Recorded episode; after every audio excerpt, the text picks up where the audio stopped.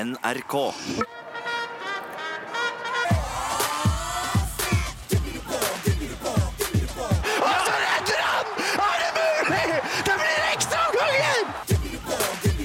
Timeout. En håndballpodkast fra NRK Sport. Sikringen har gått! Alt er tomt! NRK Sport.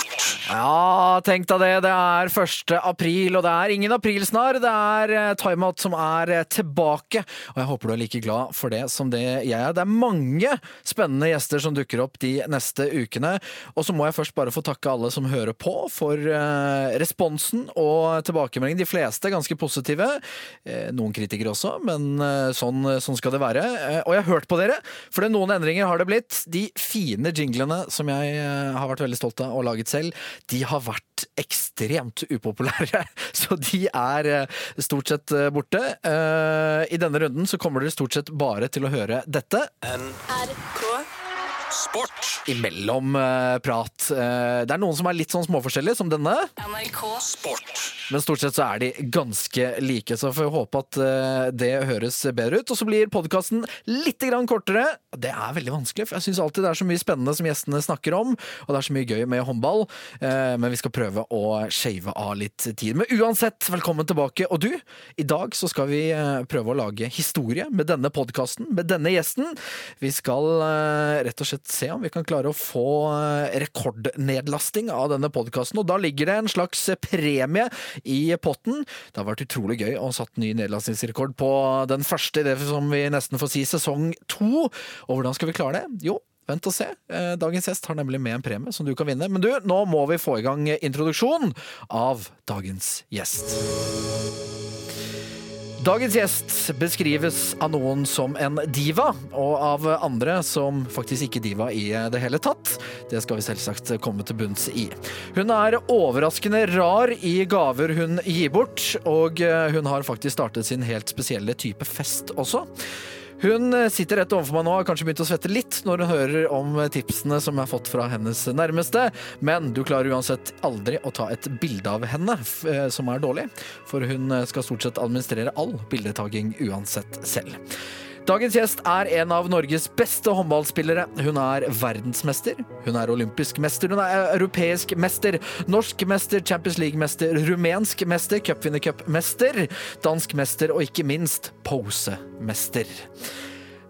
Hun har nylig signert for en av verdens beste klubber, og hun er på vei tilbake til parketten etter en tøff skade. Hun beskrives som ekstremt omsorgsfull av både trenere og lagvenninner, og hun tar godt vare på alle rundt seg. Heldigvis har vi klart å rive henne vekk fra å se på Ex on the Beach Sverige edition, og dermed så er hun her i dag. Nettshopping, matlaging, søvn, pakkelek, tatoveringer, det er bare noe av det vi skal innom i dag. I tillegg til selvfølgelig grunnen vi er her for håndball. Og som alltid, hvis du googler dagens gjest, så er dette alternativene som kommer opp. Kjæreste, Instagram, kne, skade, bror og gravid. Amanda Kurtovic, veldig hyggelig at du kom hit. Hvordan eh, var det å høre denne introen? Ja, men den inneholdt alt, syns jeg. Ja. Eh, veldig hyggelig å være her, så jeg gleder meg til å sette i gang. Var det noe du beit deg merke i av alle disse tingene jeg tok opp her? Ja, men det siste er vel kanskje det man husker best, så gravid, det, det Ja. Ja. Hvor kom det fra, liksom? Nei, det er faktisk uh, det sjette mest populære uh, når man googler deg, men det finnes ikke noen artikler. Det finnes ikke noe, Så det er veldig merkelig. Ja, kanskje jeg bør ta hintet, da. Kanskje jeg skal ha litt større drakt når jeg spiller. Ja, For du har ikke en nyhet å komme med her og nå? Absolutt ikke. Nei. nei. Uh, du, jeg tenkte vi skulle begynne litt som jeg gjør med de fleste gjester. Det blir jo litt sånn som en håndballkamp. Vi skal ha litt oppvarming for å bli litt sånn gode og varme i trøya. Og så har vi håndballdelen etterpå. Og da passer det å bli litt bedre kjent med deg som person. Så da går jeg egentlig bare rett på. Eh, Amanda Beatrice Kurtovic Nei, nei, jeg bare ga deg et eh, mellomnavn her. eh, Amanda Kurtovic, er du en diva? Nei. Nei. Og ja. Nei og ja. Ok, forklar. Først nei. Først nei. Det, ja, jeg syns det er et vanskelig spørsmål. Jeg kan være begge deler. Eh, men det er vanskelig å skille på noen dager kanskje litt mer enn andre. Spørs humøret, kanskje.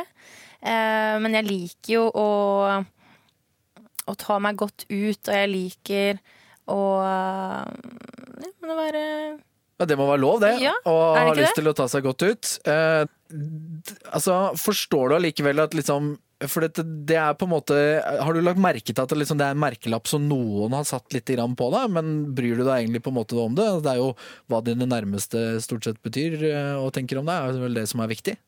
Jeg tror at noen kan eh, kanskje tro det fordi eh, Ja, men jeg er ikke så uttrykksfull, da. Kanskje at jeg eh, virker at jeg kanskje går med nesa litt høyt opp og, og tror at jeg er noe, og det er absolutt helt feil. Jeg viser følelser når jeg syns at det er passende, og, og jeg er selvsikker. Så noen kanskje vil tro at jeg er det, og tar det som negativt, men jeg, jeg tar det som en kompliment, egentlig. Men etter hva jeg forstår, så øh, Du lar ikke folk komme så veldig lett. Det er ikke så veldig lett å komme innpå deg. Hva er det som skal til, og hvem er det som får lov? Det må du fortjene. Ja, hvordan da? Nei, men over tid Jeg ehm, Jeg liker å omgås andre mennesker. Jeg er veldig sosial, men jeg liker også å være alene. Jeg liker å Jeg trives i eget selskap, og det har jeg egentlig alltid gjort. Eh, og jeg syns at det er en, en sterk egenskap òg.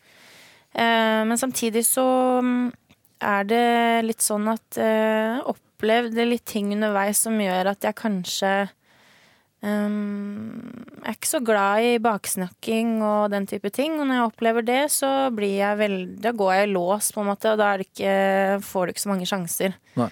Um, men når jeg først eh, tar de inn i min indre sirkel, så, så tror jeg at eh, de blir eh, overfylt av kjærlighet. Det er jeg ganske sikker på at de, at de kjenner seg igjen i selv, da. Var det noe du eh, opplevde eller kjente på sånn i ungdomstiden og sånn, i dette med baksnakking? Ja, men det er vel en kjent jenteting eh, generelt. Og når man eh, Jeg har flytta mye, jeg har bytta skole ofte, og jeg har eh, på en måte Det er jo på grunn av, av faren min, da, som har eh, spilt håndball selv, så vi flytta en del da jeg var liten. Så det har gjort at uh, jeg må på en måte tilpasse meg miljøet og, og de menneskene som, som jeg kommer til. Så tar det litt tid, og det tar tid for meg på en måte mm, bli sikker i det miljøet. Men når jeg først blir det, så, så er jeg veldig omsorgsfull og, og kjærlig og ja, på alle punkter. Men det tar litt tid for meg å stole på folk, da. Det gjør det. Jeg er veldig var på, på det å slippe folk helt inn og fortelle eh, ting som, som jeg har nær, da. Det gjør jeg kun til de aller, aller nærmeste. Marinko er jo din eh, far, som er trener for eh, Farendal. Så også han, som du sier, har spilt håndball og nå fortsatt veldig i håndballmiljøet. Han er opprinnelig fra Kroatia. eh, Men sammen så snakker dere svensk. Hvorfor det? Fordi um, han er vokst opp i Sverige. Du kan ta det på svensk også, hvis du vil. Nei, absolutt ikke. Det gjør vi bare hjemme. Så nei, han er vokst opp i Sverige. De flytta til Sverige når han var eh, seks år. Mm. Eh, Malmö, så det er hans eh, hjemsted. Mm, Samme som Zlatan? ja. Mm. Eh, broren hans har faktisk trent eh, Zlatan. Ja. En liten fun fact da, å ta ja. jeg fikk vi en link jeg ikke trodde skulle opp i dag. Så ja, men det var når Zlatan var veldig liten, da. Uh, men uansett, kult. Mm. Uh, så vi eh, Ja, men de møttes uh, Mamma og pappa møttes i Karlskrona når han spilte håndball der. Og ja, vokste opp i, i Karlskrona. Flytta til Norge da jeg var seks år, til Sandefjord. Så har vi flytta en del etter det, frem og tilbake. Og det må jo sies at du er fra en sportsfamilie, for din bror spiller jo også fotball på høyeste nivå i Norge. Eh, og far trener eh, et av de beste lagene i Norge. Var, var jo mor Sykepleier. sykepleier. Eh, så eneste som ikke fortsatt da driver med idrett på den måten som dere gjør. Eh, hva vil du si om det å, å Altså, Marinko, da, eh, for de som vet hvem han er, så fremstår jo han Du sier at du på en måte har selvtillit og, og kan virke litt sånn tøff. Han fremstår jo i hvert fall sånn. Har du fått det veldig mye fra far? Jeg tror det ligger eh, litt i blodet og i genene. Den væremåten som vi kanskje har. Mm. Eh, den Balkan-væremåten, da. Kanskje være, se litt likegyldig ut. Um, ja, men være litt sånn divaktig, da. Eh, Har du fått temperamentet derfra òg? ja. Mm. Absolutt. Den kom kjapt. Ja. det er ikke noe tvil. Um, vi skal jo innom et par ting til før vi på en måte sier oss ferdig med oppvarmingen. Uh, og da går det litt på dette som jeg kaller informanter. Ja, at jeg har snakket med litt av dine venner og, og familie og litt, litt forskjellig. Um, du sa jo selv at du har relativt god uh, selvtillit. Um, jeg hører du var ganske populær i OL-landsbyen. Ja, men du vet jo hvem jeg har prata med. Ja, det er Emilie som har sladra nå, ja. Det veit jeg. Ja, men fortell, du var du var populær? Ja, var jeg det? Ja, altså jeg hører at det er noen NBA-spillere som uh, kastet uh, blikket sitt mot uh, Kurtovicen. Det som er, er at jeg og Emilie var ute og tusla litt. eh, og så fikk jeg øye på da det som så ut som basketballspillere. Og jeg liker basket. Mm. Eh, forter oss bort, og Emilie klarer jo ikke si et ord. Eh, men jeg får jo litt mer ja, myndigere. Ja, Men det var veldig hyggelig, og eh, For dette var hvem? det var jo Mellow. Uh, Carmel Anthony? Ja, vi er jo på Mellow. Ja, selvsagt. selvsagt. Eh, og Og eh, Kevin Durant. ja, så du møtte altså de i OL-landsbyen. eh, de la merke til Kurtovicen. eh, men det stoppa jo ikke der. Det gjorde ikke det. Det som er veldig gøy med denne historien, er at eh, jeg fikk jo snappen hans. Noe som var det er det sjukeste jeg noen gang har opplevd. Fordi at lille meg skal få snappen til en så stor stjerne, Ja, det var jo sinnssykt. Ja. At han bare la merke til meg. ja. Eh, og så sier han eh, For i USA da, så veit man ikke hva håndball er. Nei. Eh, de fleste veit ikke det. nei. Men når vi satt i den spisesalen, jeg og Emilie, med den gjengen her, da, så sier han at han veit hva håndball er. Okay. Og begynner å forklare liksom regler, og vi bare hæ? Hva kunne han det, da? Ja, han visste hva håndball var. Ja, ok. Og syntes at det var sykt kult at vi spilte håndball. da Han har lyst til å komme og se på en kamp, og vi bare ja, ja. Mm, Ikke sant? Og så spiller vi semifinale mot Russland. Mm. Det er jo ekstraomganger. Ja, det var en ellevill kamp. Ja, ja. Helt sinnssyk kamp. Og så, etter kampen, så, så ser jeg opp, eh, dritskuffa, og så ser jeg bare at det stormer liksom masse folk opp i høyden av eh, arenaen, på en måte. Mm. Og så reiser det seg liksom opp en, en fyr, og jeg bare Hæ? Var på kampen! Ja, Carmel Anthony, eller Mellow, da. Som du Mello var på kampen Ja. og så på lille Norge. Ja, Trivelig, Så da. tapte vi! Ja, det er litt uh, trist. Oh. Men eh, det er en historie jeg, så Den historien tar jeg med til graven. Ja. Vi må jo innom en ting til også, for uh, dine venninner sier hva er det med deg og pakkeleken? Ja. For det, uh, dette syns jeg er snodig, Amanda. Du gir noen merkelige gaver. Nei, Jo, de er veldig morsomme. hva er det du gir i gave til dine venninner? Nei, men jeg liker jo ikke Når vi har pakkelek, si nyttårsaften, da, da pleier vi å ha pakkelek. Ja. Det er jo bare morsomt. ja. Men Ja. hva er det du gir i pakker? Ja, men eh, for, eh, forskjellen fra meg, eller eh, ja, meg og mine venner, er at de skal gi sånne kjedelige ting. Sånn en pakke med Mentos, liksom. Ja. Mens jeg da har vært på kondomeriet og kjøpt noe gøy. Ja. Ja. For det er spesielt én type eh, eh, gaver som du gir. Ja. Eh, fordi dine venninner sier jo det, at hjemme så har de både shotteglass og eh, eggeglass, og det er ikke måte på, i en form av ja. Det er, eh, det er gøy, ikke sant? I en form av Ja, men det som var litt Ja, morsomt de nå som- de Jeg skal komme til saken. Nei, jeg skal si det. Eh, det som er litt gøy, er at hun som vant eh, denne eggetingen da, i Ja. fjor, Ja.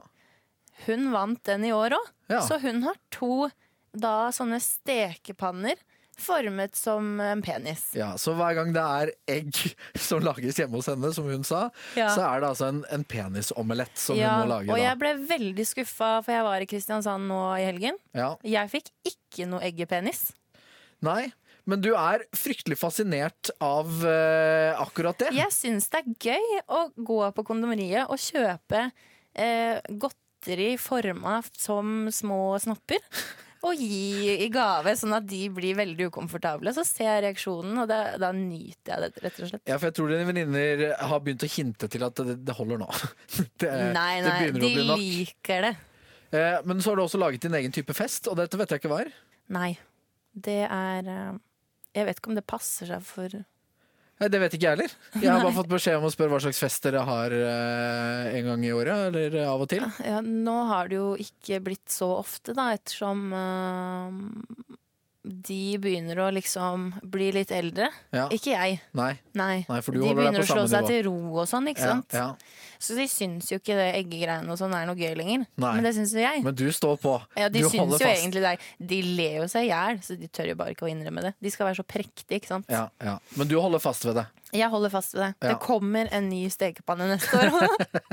Selvsagt. Eh, men eh, du har altså du har spilt for Sandefjord, du har spilt for Nordstrand, Byåsen, Larvik, Viborg, Oppsal, Larvik, Bucuresti, og nå er det også signert for Gjør. Er det maks to år du orker å være et sted? Og så må du videre, eller eh, finnes det på en måte gyldige fraværsgrunner for alle disse klubbeskiftene? Jeg kjeder meg fort, vet du. Ja, det er det. Ja, jeg er eventyrlysten. Ja. Men du, du tar jo med Stiff, som jeg spilte for når jeg var ni. Jeg tar det som Går det står på som en Wikipedia. klubb, liksom? Jeg tar det som står på Wikipedia. okay. Fordi det Ja, jeg regner jo ikke med det. Men også, Det kan vi ta Ok, vi kan godt ta bort Sandefjord. Ja. Det gjenstår fortsatt Nordstrand, Byåsen, Larvik, Wiborg, Oppsal, Larvik, Ja. Bucuresti og så Dager. Nå tar du jo to klubber eh, Ja, for det du gikk jo tilbake igjen. Men hør nå.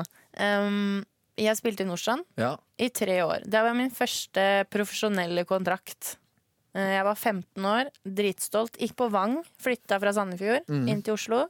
Begynte på Vang. Og eh, ja, spilte der i tre år. eh, Og så gikk jeg videre. Hvor er det jeg gikk da, sa du? Nei, altså Da var det fra Nordstrand til Byåsen. Byåsen. Ja, det var jo mislykk... Det var jo bare feil. Ikke Ja. sant? Jeg skulle til Byåsen. Det burde du ikke gjort, så da dro du til Larvik. Det burde jeg ikke gjort, fordi jeg tok det bakre korsbåndet rett før jeg dro til Byåsen. Og eh, jeg hadde det ikke bra, rett og slett. nei. Eh, og da uh, henta mamma og pappa meg hjem etter var det tre måneder. Mm. Så da fullførte jeg den sesongen i Larvik. De tok meg imot, heldigvis. Karl Erik Bøhn og co. eh, var så snille at de sa at eh, herregud, vi kan ta den stakkars jenta her. Du kan fullføre sesongen hos oss. Eh, så da gjorde jeg det. Ja. Og så da fikk jeg et veldig godt tilbud fra Wiborg, som da var et av topplagene i Skandinavia, eller Europa på den tida. ja. Så da dro jeg dit. Og så gikk jo da ferden eh, eh, til Oppsal igjen. Da gikk eh, turen til Oppsal Jeg var jo skada to år i, i Wiborg. Ja. Og der fikk ikke- du jo, i Oppsal fikk du jo på en måte eh, bygd deg opp på nytt eh, til å bli og få ut potensialet ditt. Og jeg vet at eh, treneren som du hadde der har betydd veldig mye for deg, Arne Senstad, som hadde Oppsal i, i den perioden. Mm. Eh, og så husker vi jo på en måte veldig mye fra, fra Larvik. Eh, vi skal komme tilbake til Bucuresti og også Gjør. Men hvilken av disse klubbene har betydd mest for deg? Jeg vet at Oppsal ligger nært ditt hjerte pga. de på en måte fikk deg litt tilbake på track igjen. Men alt du opplevde i Larvik også, hvilken klubb er det på en måte som har skilt seg litt ut i hjertet ditt? Det må jo være Ja, det er riktig som du sier. Det er Oppsal. Eh, Mm. og Arne har veldig mye av æren for det. Eh, jeg kom dit og egentlig var eh, Jeg var ødelagt. Mm. Og jeg var mentalt totalt nede. Så um, han tok meg under vingene og sa at her får du lov til å feile, og her skal vi liksom få deg tilbake igjen. Og det gjorde han. Og han hadde veldig god tålmodighet med meg òg. Fordi jeg var jo Jeg var jo ikke bra. Men de siste månedene der så Så skjedde det noe. Og det var første gang at jeg hadde Jeg følte på to år at jeg ikke hadde vondt lenger. Mm. At jeg på en måte kunne slippe meg litt løs. Så han skal ha veldig mye av æren for at jeg ble den spilleren jeg ble eh, når jeg dro til Larvik eh, den sesongen der. Du har hatt eh, noen ganske alvorlige skader opp gjennom eh, karrieren. Um, og vi skal prate litt om hvordan du har taklet det, og hvordan det har vært. Eh, men i november så skjedde det igjen. Da opplevde jeg å være til stede eh, når du altså skadet deg alvorlig. Jeg kommenterte den kampen. Det var et hjerteskjærende hyl. Eh, som gjorde så vondt langt inne i margen eh, å høre på. Jeg har jo ikke lyst, men allikevel så skal vi bare Vi skal ta et lite tilbakeblikk til kampen mot Frankrike, og det som skjer med altså rundt åtte-ni minutter igjen av siste oppkjøringskamp eh, før mesterskapet skulle spilles i Frankrike. Nå kommer Norge gjennom på høyresiden. Kurtovic blir eh, tatt, og så får hun en smell. Og tar seg til kneet. Dette er ikke Og hun har plutselig fryktelig vondt, Amanda Kurtovic. Dette er ikke bilder som Norge trenger å se åtte minutter før slutt. Og Nora Mørk blir filmet oppe på tribunen og hører skrikene nå fra Amanda Kurtovic. Her har det skjedd noe. Dette er ikke bra. Dette er forferdelige nyheter for eh, Norge. Bært av banen Amanda Kurtovic. Skriker bak. Dette er eh...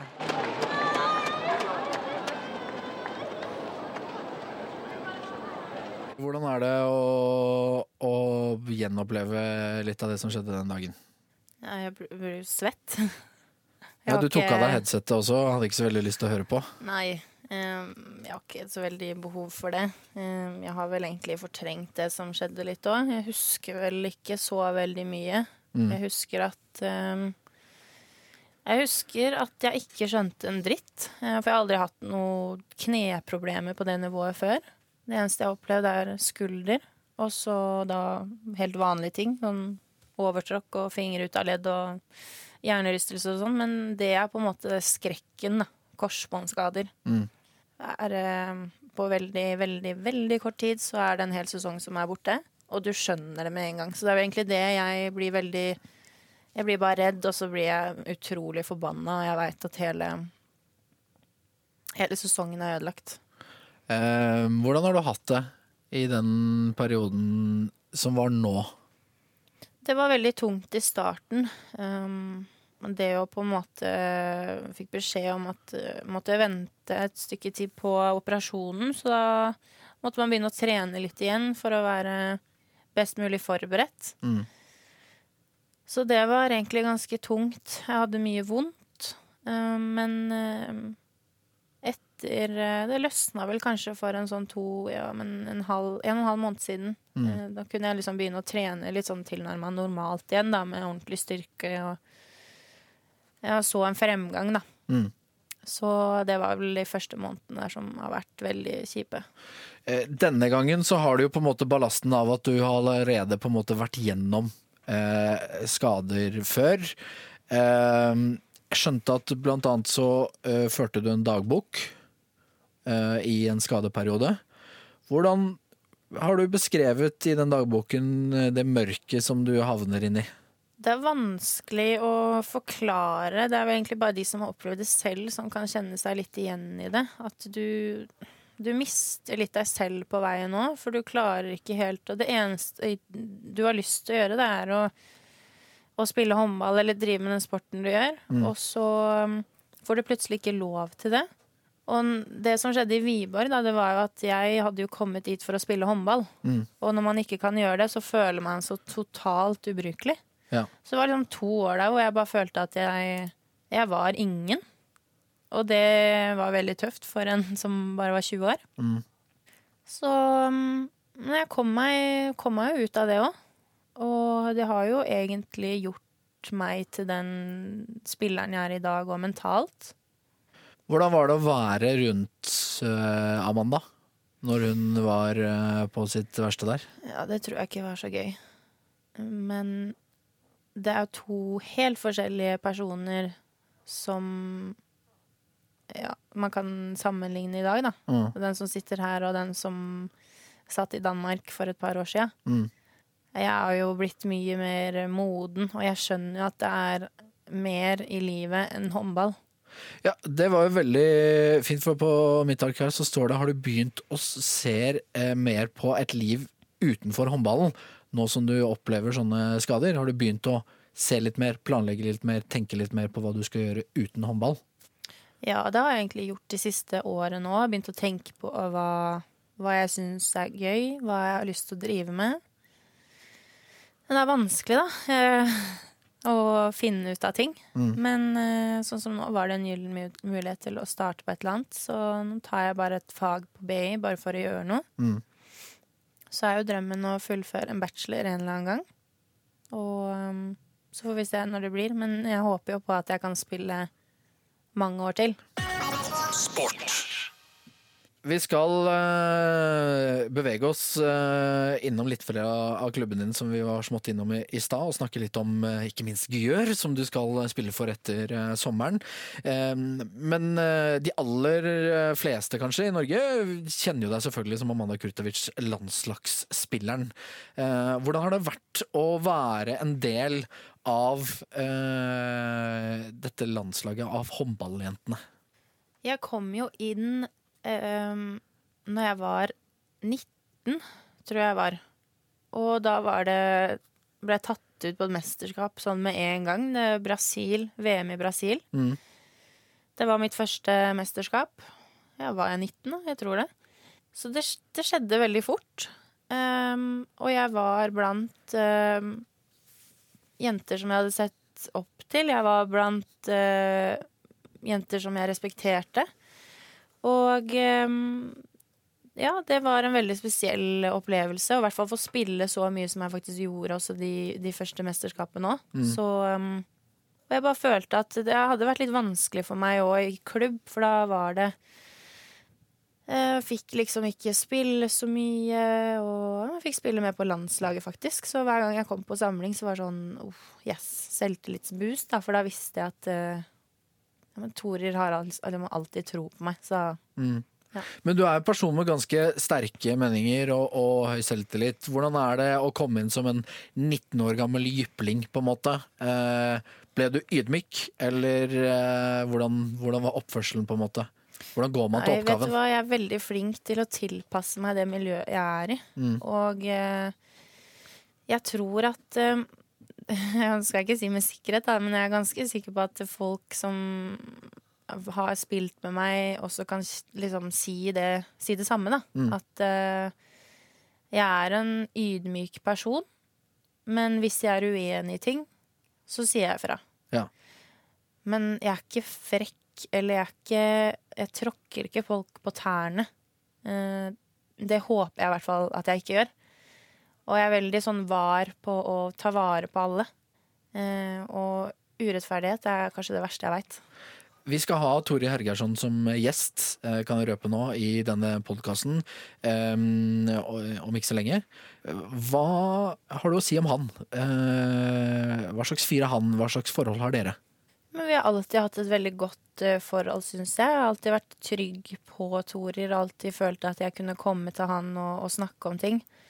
Vi har jo kapteinsteam, og vi har eh, Hva er det det heter, da? Uh, hva kaller vi det? Ja, men tillitsvalgt. Ja, Uh, som man kan komme til hvis, uh, hvis man ikke tør å gå direkte til han, da. ja.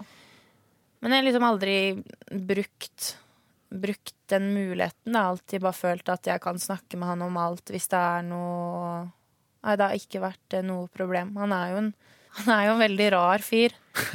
Men Ja, det er en snodig liten, ja, eh, veldig ærlig og, og pålitelig og Så mm, Ja, men uh, han er en fin fyr tvers igjennom. Du har jo reist rundt med landslaget land og strand uh, overalt og plukka medaljer og spilt håndballkamper og vært i haller og vært i hoteller.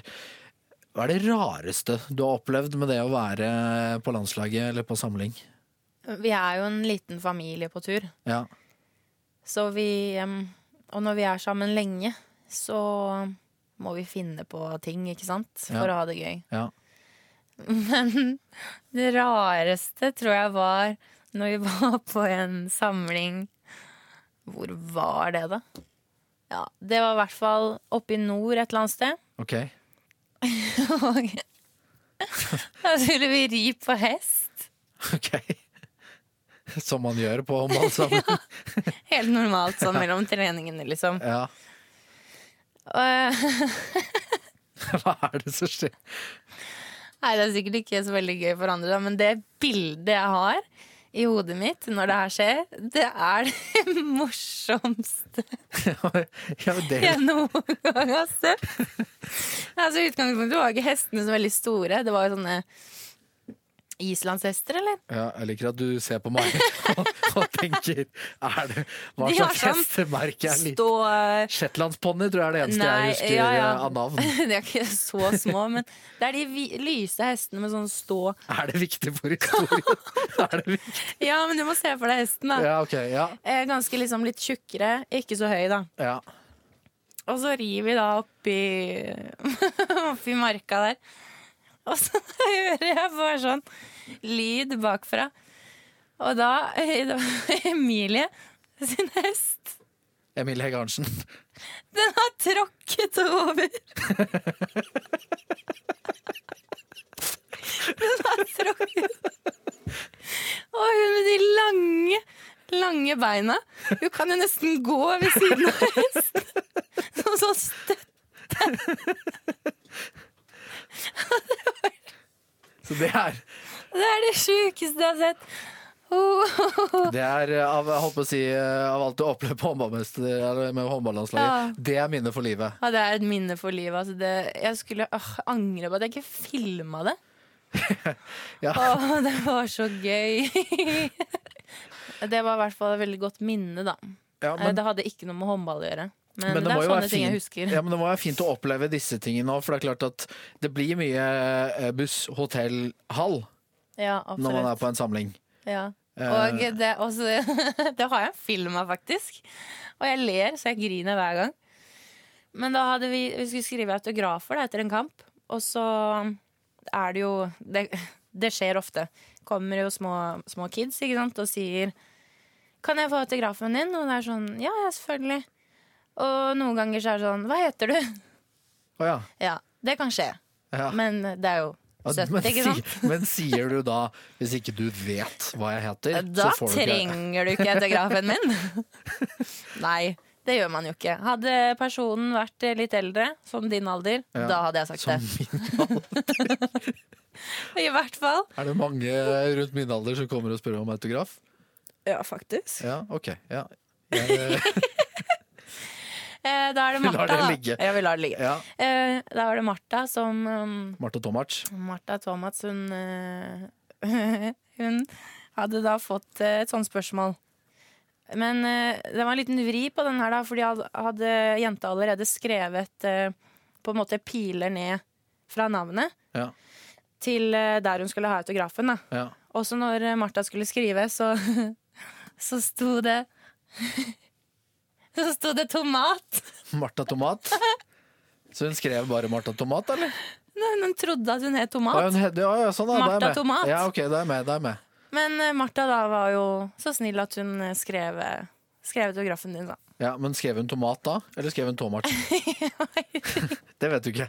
Den videoen er så jævlig Oi, men faen. Det Ja. var ikke greit. Vi får uh, komme til bunns med både hva hun skrev en annen gang, og ikke minst uh, banninga di. Ja. Uh, men du er, du er jo litt kroatisk, så det, du, du er unnskyldt. Sport.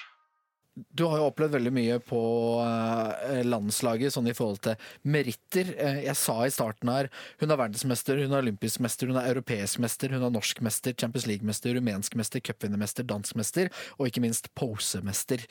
Hvem av de rangerer du høyest? Uh, Polsemester si ja, og si så olympisk mester, tenker jeg. Ok, Så hvordan du fremstår på bildet først, og så olympisk mester etterpå. Ja, Ja. Hvordan man fremstår. Ja. Med medaljen. Ja, ja. Men olympisk mester, OL i London i 2012, eh, det må ha vært en ellevill opplevelse å være med på. Vi har hørt en god del beskrivelser av dette tidligere. Eh, blant annet Camilla Herrem som snakker om eh, denne Brasil-kampen og hva som skjer i garderoben i pausen der. Jeg anbefaler å gå tilbake og høre på den episoden. Hva slags inntrykk sitter du med, hva slags minne sitter du med igjen etter OL i London? Um, ja, jeg tror ikke helt jeg skjønte hva jeg gikk til når jeg ble tatt ut. hver Var en, av, en blant de 14 som skulle være med å spille OL i London. Mm. Jeg var 21 år, akkurat fylt 21, tror jeg. Så uh, det var faktisk det sykeste jeg har opplevd uh, på håndballbanen noen gang. Det å få være med på den reisen. Mm. Det var et eventyr. Kort og greit. Ja. Du har jo, som vi nevnte eh, ganske tidlig, skrevet under for Gyør. eh, Og før vi kommer til dine forventninger på akkurat det, så uh, har jeg lyst til å spørre om eh, Larvik, som du altså var i to perioder. Eh, er det selve definisjonen og grunnen til at du er der du er nå? Hvordan Larvik eh, ble drevet da? Hvordan på en måte eh, du fikk eh, være deg sjøl i den klubben? Først og fremst veldig trist eh, det som har skjedd med Larvik eh, som eh, klubb. Det må jeg bare få sagt. Mm.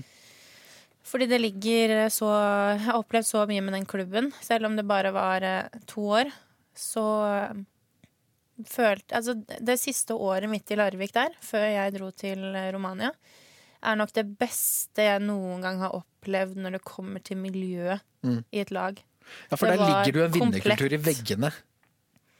Bare sammensetningen av mennesker, hvordan vi Hvordan vi samhandla, da. Hvordan vi opptrådde, og hvordan vi var som et lag. Det tror jeg Jeg kommer aldri til å oppleve det igjen. Mm. Men det var Det var det fineste jeg har opplevd noen gang. Det var Vi var som en liten familie. Og jeg stolte på hver og en. Og jeg visste hvor jeg hadde alle til enhver tid. Og vi var Det var liksom en, selve definisjonen på et lag, da. Mm. Det var ingen som satte seg selv foran laget. Det var laget først, hver gang. Nå går du altså til Gjør, men vurderte du i denne perioden nå hvor du skulle eventuelt finne en ny klubb, vurderte du Larvik Nei. på grunn av økonomien og rotet, eller på grunn av noe annet? Nei, på grunn av at jeg, har, jeg er ikke eh, klar for å dra hjem ennå. Jeg har lyst til å spille ut av Europa mer. Mm. Eh, Jeg har lyst til å Jeg har lyst til å vinne Champions League. Mm. Det, det er det eneste jeg har lyst til på klubbnivå nå. Og nå får du muligheten til det, for nå drar du til Gjør, som er en av de klubbene som stort sett alltid kommer til å være i Final Four. Det er i hvert fall visjonen og ønsket til klubben. Eh, og uansett hvordan du vrir og vender på det, så kommer du på en måte nå til å få et stempel som den som eh, erstatter Nora Mørk, eller i hvert fall et forventningspress, for det er du som kommer inn i den samme posisjonen når Nora Mørk altså går eh, motsatt vei. Hva tenker du om eh, det som skal skje nå til sommeren og etter sommeren? Ja, men jeg gleder meg utrolig mye. Eh, Jeg gleder meg til å starte litt på blanke ark og, og få spille med verdens beste spillere. Noe jeg gjør per dags dato i, i Bucuresti. Og har gjort eh, de siste to, ja, to sesongene. Mm. Men det skjer veldig mye i den klubben der som er utenfor ens kontroll. Og det påvirker jo en um, spillmessig òg, og mentalt. Det er slitsomt når det hele tiden byttes ut. Eh, Men du det må bli hardhudet av det. Det blir jeg absolutt, og det har jeg jo blitt. Uh, første halve året når jeg kom til Romania, så trodde jeg jo ikke at det her kom til å gå. Det var jo Presset var enormt. Um, det var jo et helt annet miljø, en helt annen kultur enn det jeg er vant til, og kom fra i Larvik. Um, på et helt annet nivå. Så da tenkte jeg umiddelbart at det her, eh, det går jo ikke. Og jeg savna de hjemme, og det var bare generelt slitsomt. Men så bestemte jeg meg da for at eh, herregud, ta deg sammen. Den her sjansen kommer Du vet ikke om den kommer igjen. Så skjerp deg, ta deg sammen. Og ikke vær så jævla nervøs når du er ute på. Bare gjør greia di, og så er det opp til treneren å bytte deg ut. Hvis ikke det er godt nok. Mm. Da kom vendepunktet etter det mesterskapet vi spilte i desember der. eh, Hvor jeg kom hjem igjen og bestemte, bare bestemte meg for at jeg skulle endre min posisjon i gruppa. Da, finne min rolle, for jeg hadde ikke helt funnet den ennå. Mm. Og da snudde det bare. Ja. Jeg tok mer ansvar, og jeg var eh, den spilleren som jeg var Som de egentlig hadde kjøpt, da. Fra Larvik. Mm. Den begynte å komme frem, da. Nå har du jo skrevet under for en, eh, en ny klubb. Fremtiden ligger eh, lagt foran deg. Eh, Allikevel, det er jo et usikkerhetsmoment der, for du skal jo komme tilbake fra denne skaden. Men eh, det er kanskje ikke noe du tenker på i det hele tatt. Du, du skal tilbake, du, du har liksom fokus på at eh, sånn er det. Ja. Nei, det er ikke noen andre alternativer enn at jeg skal spille igjen. Og jeg har alle muligheter for å bli bedre enn det jeg var. Jeg har muligheten til å bygge meg opp eh, fysisk nå i åtte måneder fremover. Mm. Så alt ligger jo til rette for at eh, det skal gå. Så får jeg bare håpe at det korsbåndet holder. Men jeg skal i hvert fall gjøre alt for at det For at jeg skal ha godt nok grunnlag. Mm. Og eh, så er det så mange. Jeg er ikke den første, i hvert fall ikke den siste, som, som kommer til å ha denne skaden. Og det er så mange bevis på at de som har vært utsatt for en korsbåndskade, har kommet, eh, kommet tilbake. Og i veldig mange tilfeller mye sterkere enn det de var før, og, og bedre Men til- de. Til slutt på dette temaet så har det vært veldig mange korsbåndskader. Det har vært veldig mye snakk om det i det siste. Gro Hammerseng Edin eh, var ute og, og skrev en kronikk i forhold til at det, det, det drives eh, altfor hardt på håndballspillere. Eh, igjen så fikk vi en diskusjon under mesterskapet som var nå sist, hvor både Kristina Neagu, din lagvenninne, og flere andre tok korsbåndet. Eh, hva, hva syns du om belastningen? Er den umenneskelig for uh, håndballspillere med uh, det oppsettet som er for både klubb og landslag? Det kan gå bra i en periode, men det kommer til et punkt hvor eh, kroppen ikke tåler lenger. Og Mm. da sier den ifra, og det er trist at det skal, at det skal være utfallet. Men mm, jeg tenker at det, det er så mange Det er så mange ting da, som påvirker. Så det at man, ok, eh, i hvert fall for min del, da, så har det vært eh, en veldig turbulent start på sesongen. Vi starta med én trener, fikk en annen. Eh, Det blir veldig sånn at du skal bevise, du skal på en måte imponere for å kunne spille. Det blir liksom ikke noe trygghet i det, og du bruker veldig mye tid og energi på å Ja, men hva skal jeg si Du bruker veldig mye energi på å tilpasse den personen som kommer, da. Mm. Og så hadde, har vi hatt veldig mange dårlige reiser, lange reiser, dårlig restitusjon, eh, dårlig mat når vi er på tur. Så det er så mange faktorer som eh, spiller inn og påvirker, da. Og eh, som jeg sier, det kan, gå, det kan gå bra. Men eh, i noen tilfeller, da, og det har blitt flere og flere, så sier jo kroppen ifra at det ikke går lenger. Mm. Og da skjer det sånne ting. Og jeg kan i hvert fall ikke se for meg at jeg skulle gjort noe annerledes, fordi eh, reiser og mat og sånn, det får jeg liksom ikke påvirka så veldig mye når vi er ute på tur. Det at vi bytter fly tre ganger, liksom, før vi, før vi kommer fram, og sover dårlig og kjører mye buss og Jeg kan gjøre mitt beste for, for at det skal, skal bli bra, men eh, sånne faktorer utenfra er litt vanskelig å å påvirke, for det er jo på en måte klubben som styrer det. Jeg tror bare Noen ganger så er man bare veldig uheldig, og andre ganger så er det mange faktorer som spiller inn. Sport. Det her er NRK Sport. Amanda Kurtovic, hva slags tatovering har du snart ikke lenger? Ja, men man er jo ung og dum, er man ikke det? Og man syns at uh, ting er kult når man var 18, og så angrer man litt på det når man er 28. Ja, Det var ikke et svar på spørsmålet mitt. Nei, jeg hadde Hva er det jeg hadde? Fem Hun kikker nå rundt på sin egen uh, Seks hadde jeg. seks uh, tatoveringer. Ja. Og den som, det er en som da fjernes. Ja, to holder på Én er borte, én holder på å fjernes. Ja, Og den ene er da rett over, eh, altså på nedre del av korsryggen. Nei, nei, nei. Ikke noe tramp stamp her. Ja, dette er info ja. men da er det feil info. No, no, no. Men hva er, det som, hva er det du hadde som nå skal bort, da? Det kommer ikke jeg til å fortelle, Nei. men det var en setning som jeg hadde på hofta. eh, som nå er borte, Ja, og er historie. ok. Så det er jo helt fantastisk at det faktisk går an å ta det vekk. Ja. Eller bare ikke ta tatoveringer som meg. Eller ja, det skulle, vet du hva? Det skulle vært 25-årsgrense, så man er litt mer moden oppi hodet sitt til å ta sånne valg. Fordi de sitter faktisk på kroppen et helt liv. Men det var ikke en tatoveringssjappe nede i Syden som du ble tatt på, eller? Jo, Jo, fordi det var billig, ikke sant. ja, riktig. Er vi i Tyrkia? Granca? Er vi der nede? Det er jo faktisk i Spania. Ja. Eh, Du er jo da eh, kjæreste med ishockeyspilleren Brede Cissar, eh, som jeg også har eh, Sier jeg navnet riktig? Brede Cissar? Ja. Cissar. Cissar. Eh, som jeg har snakket med i forkant av eh, den innspillinga, selvfølgelig. Hvem er sjefen i forholdet? Jeg.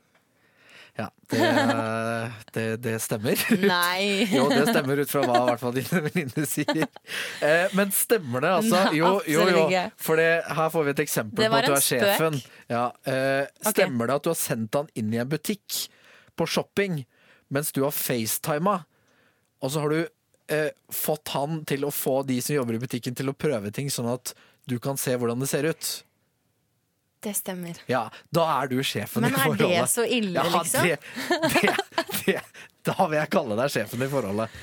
Men han er jo bare snill når han gjør sånne ting. Men er han pusete? Han er litt sånn pussekatt? Nei. For dette er liksom en sånn barsk hockeyspiller vi egentlig prater om her. Ja.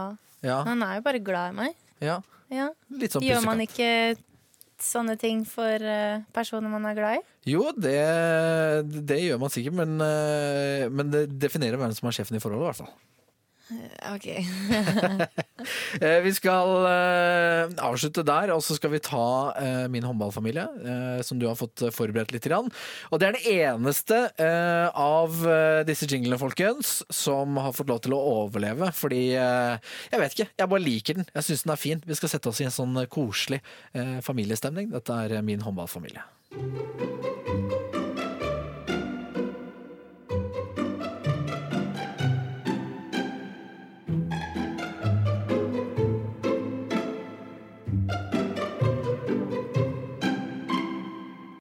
Er ikke den koselig, da? Jo, Det er det. utrolig Det er verdt å beholde den.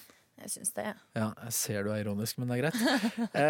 um, min håndballfamilie, som altså handler om dette uh, ordtaket som jeg har tatt så veldig mange ganger, dette afrikanske ordtaket, uh, hvor man uh, sier at det kreves en landsby for å oppdra et barn. Og sånn tenker vi at det er sånn som i håndballmiljøet også. Man trenger gode folk rundt seg med gode kvaliteter for å bli best selv også.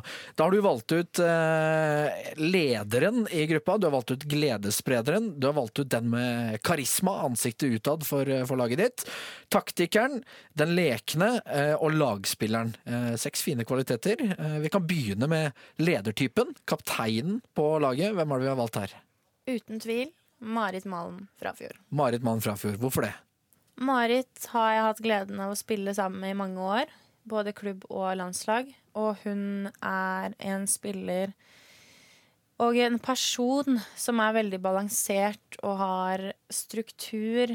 Eh, og hun er den som på en måte fører uniten sammen. Og var kaptein når du var uh, i forhold til OL i London i 2012. Ja. Hun har bare alle kvaliteter en kaptein skal ha, og jeg syns at hun er jo både Hun er jo like fantastisk på og utenfor banen. Jeg tror hun blir glad for å høre det òg. da har vi ledertypen inne allerede. Gledessprederen. Det er Emilie Hegarnsen. Ok, det, det er det flere som har tatt, faktisk. Ja, og fordi hun er min roomie da når vi er ute og, og reiser. Ja, Gledesspreder eh, med og uten hest. Med og uten hest og overtråkk. Og overtråkk.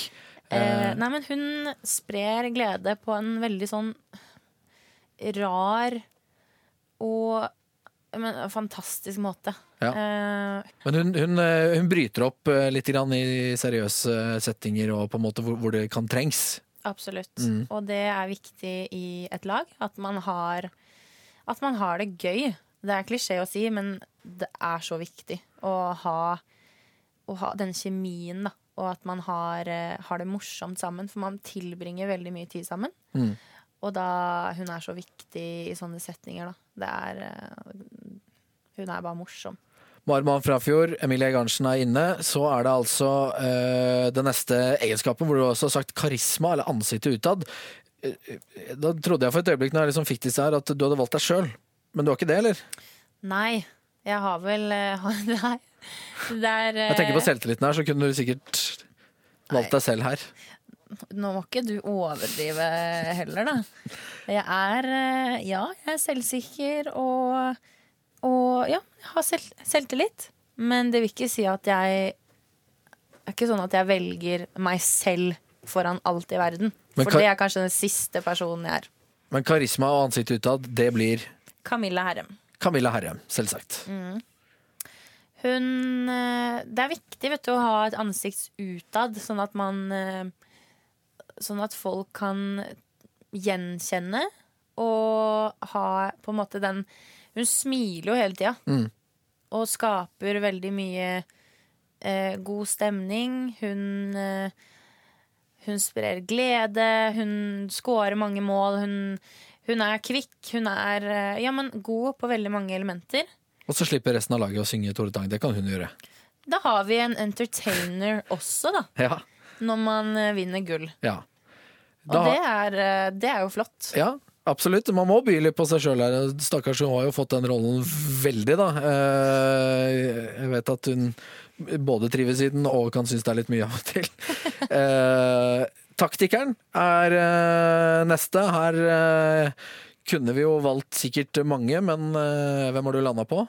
Jeg har valgt Stine Bredal Oftedal. Ja, landslagskaptein. Ja, hun får oppgave å styre sjappa. Mm. Eh, legger opp eh, avtaler, det som passer best til motstanderen vi skal møte. Styre systemer og ja, men stort sett eh, full kontroll. Mm.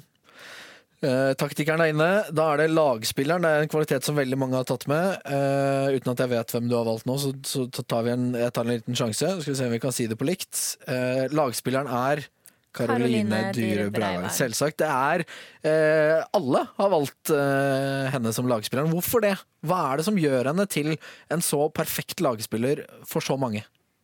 Fordi hun er jo en team manager. Mm. Hun styrer og steller. Hun har full kontroll. Hun har kontroll på utstyr, hun har kontroll på datoer, hun har kontroll på Ja, men den minste lille detaljen da, har hun kontroll på. Og der er hun nesten faktisk litt sånn nesten eh, blir beskrevet som nesten autistisk i forhold til datoer, og husker jo navnedager og bursdager til eh, dine foreldre omtrent. Ja, nettopp. Så det er viktig å ha en sånn spiller på laget. Mm. Som har total oversikt over absolutt alt. Og jeg som ikke har det, da, har da muligheten til å gå til Karo og bare Du, når har egentlig Når har fatter'n bursdag? Ja. Kan du bla, ja. Når har han bursdag? Når er det jeg må kjøpe gave, liksom? Ja. Så da er hun der. Eh, og skal vi røpe at eh, for de som eh, har lyst til å vite og høre mer om Karoline Dyhr Breivang, hun kommer også som eh, gjest. Da skal vi snakke om både det å være lagspiller, men også Mesternes mester og ganske mye annet. Men eh, hun er inne på ditt lag. Da eh, har du én kvalitet igjen, og det er den lekne. Det har landa på Thea Mørk. Ja, hvorfor det? Hvorfor det, ja? Nei, fordi hun er pliktoppfyllende, fantasifull og veldig leken. Hun liker å prøve nye ting og er veldig sånn der Å, kan ikke vi ta en flyver, og jeg hopper inn der, og du kaster dit, og jeg kaster dit, og så kommer hun i flyvende fart til slutt. Er det trist da å på en måte si hun likte, uh, i og med at hun har jo nå lagt opp i Mm. altfor tidlig alder? Ja. Veldig trist. Eh, veldig trist for selv, men også for håndballen. Og da er alle de seks kvalitetene på plass. Den syvende spilleren som skal inn på dette laget, er jo Amanda Kurtovic. Eh, De kvalitetene som du tar med deg, er jo divanykker på både godt og vondt, eh, men mest på godt. Eh, Du tar med deg en stå-på-vilje som jeg ikke tror veldig mange andre har, og som har muligheten til å komme tilbake gang etter gang etter gang. Du tar med deg en vinnerskalle, men også en mentalt sterkt hode, eh, ut fra hva mitt inntrykk er. Eh, så tar du med deg et eh, deilig skudd, noen rappe finter, og så tror jeg det vil på en måte fullende dette laget. Og, gjøre det Gi det lille ekstra som som det mangler, som kanskje vi manglet i mesterskapet, som var sist nå også, hvor det, altså det ble litt skuffende. Men du må ha en trener først. Mm. Hvem skal få lov til å lede dette laget? Du, jeg har valgt en spillende trener, jeg. Ja, Ja. det tror jeg er første, faktisk. Jeg har valgt eh, Gro Hammerseng. Ja, selvsagt. Hun er en eh, Hun skal sette opp spillet, hun skal sette taktikkmøtene. Hun skal på en måte være limet vårt, da. Mm. Og så skal hun bruke den erfaringen eh, hun har, Mm. til å gjøre dette laget komplett. Og da er laget komplett. Hva skal bukettene buketten hete? Hva skal barnet hete? Skal da hete Amandas disipler. Selvsagt. Selvsagt. Men det man må huske på her, da, det er at alle de personene her, de betyr veldig mye for meg. Så jeg har jo, har jo for eksempel ikke noe keeper. Mm. Men det, jeg går mer ut ifra Jeg lar liksom ferdighetene, det er én ting. Men personlighetene da, og alle de sammensetningene som finnes i det her, det gjør på en måte laget mitt helt komplett, da. Jeg tror det blir et uh, fryktelig godt lag. Uh, kanskje så får dere samle dere på et eller annet tidspunkt i Larvik igjen og bygge klubben opp igjen, hvis, uh, hvis det trengs. Da er vi snart ved veis ende, men nå skal vi egentlig bare røpe en ting, og det er at det er mulig for de som hører på denne podkasten, å vinne signerte landslagstrøye fra Amanda Kurtovic. Og måten dere gjør det på, er altså følgende. Eh, På NRK Sportens Instagram så ligger det nå et bilde av Amanda Krutovic med signert drakt. Og det eneste du trenger å gjøre for å være med i trekningen av å kunne vinne den drakta, det er rett og slett å kommentere under bildet på Instagram eh, svaret på hva slags gaver Amanda liker å gi bort til sine venner. Det har vi pratet ganske mye om, så det eh, er en spesiell, spesiell type gave. Og da er det også med i trekningen, og forhåpentligvis så kan det gjøre at enda flere som er glad i håndball, blir oppmerksom på håndballpodden. Håndball til folket, folkens! Det er det det handler om. Eh, Dette gjør vi sammen. Så ser vi om vi klarer å sette rekord i antall nedlastninger på denne episoden. Og så kan du altså vinne en signert landslagsdrakt. Eh, Så vi ser da om vi klarer å sette rekord. Kanskje den der stekepanna?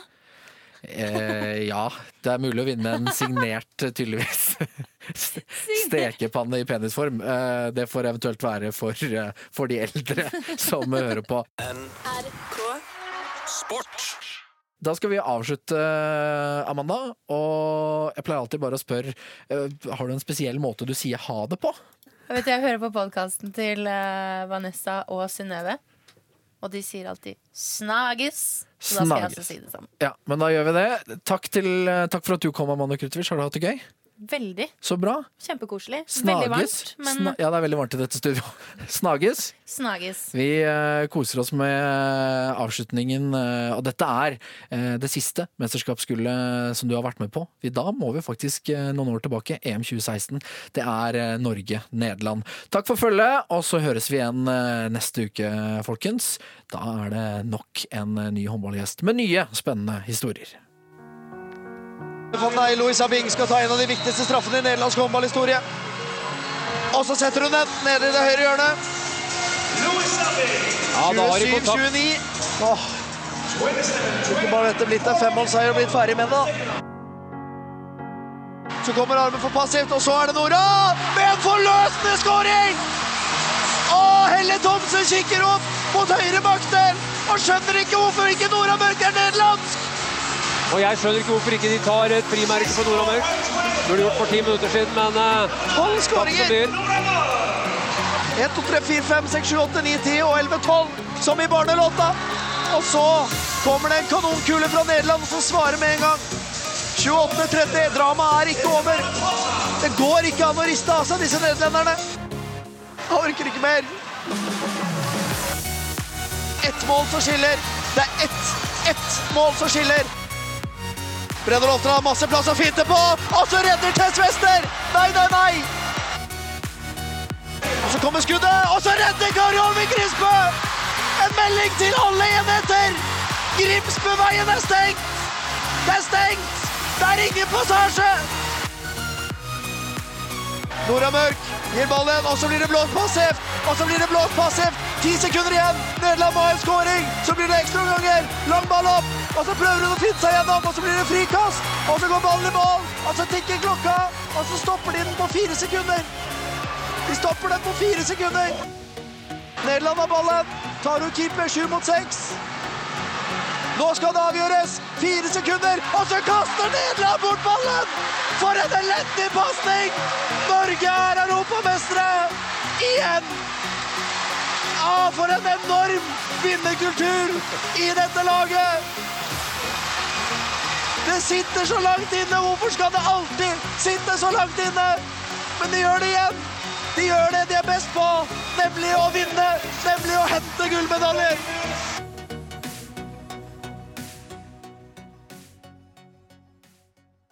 NRK Sport.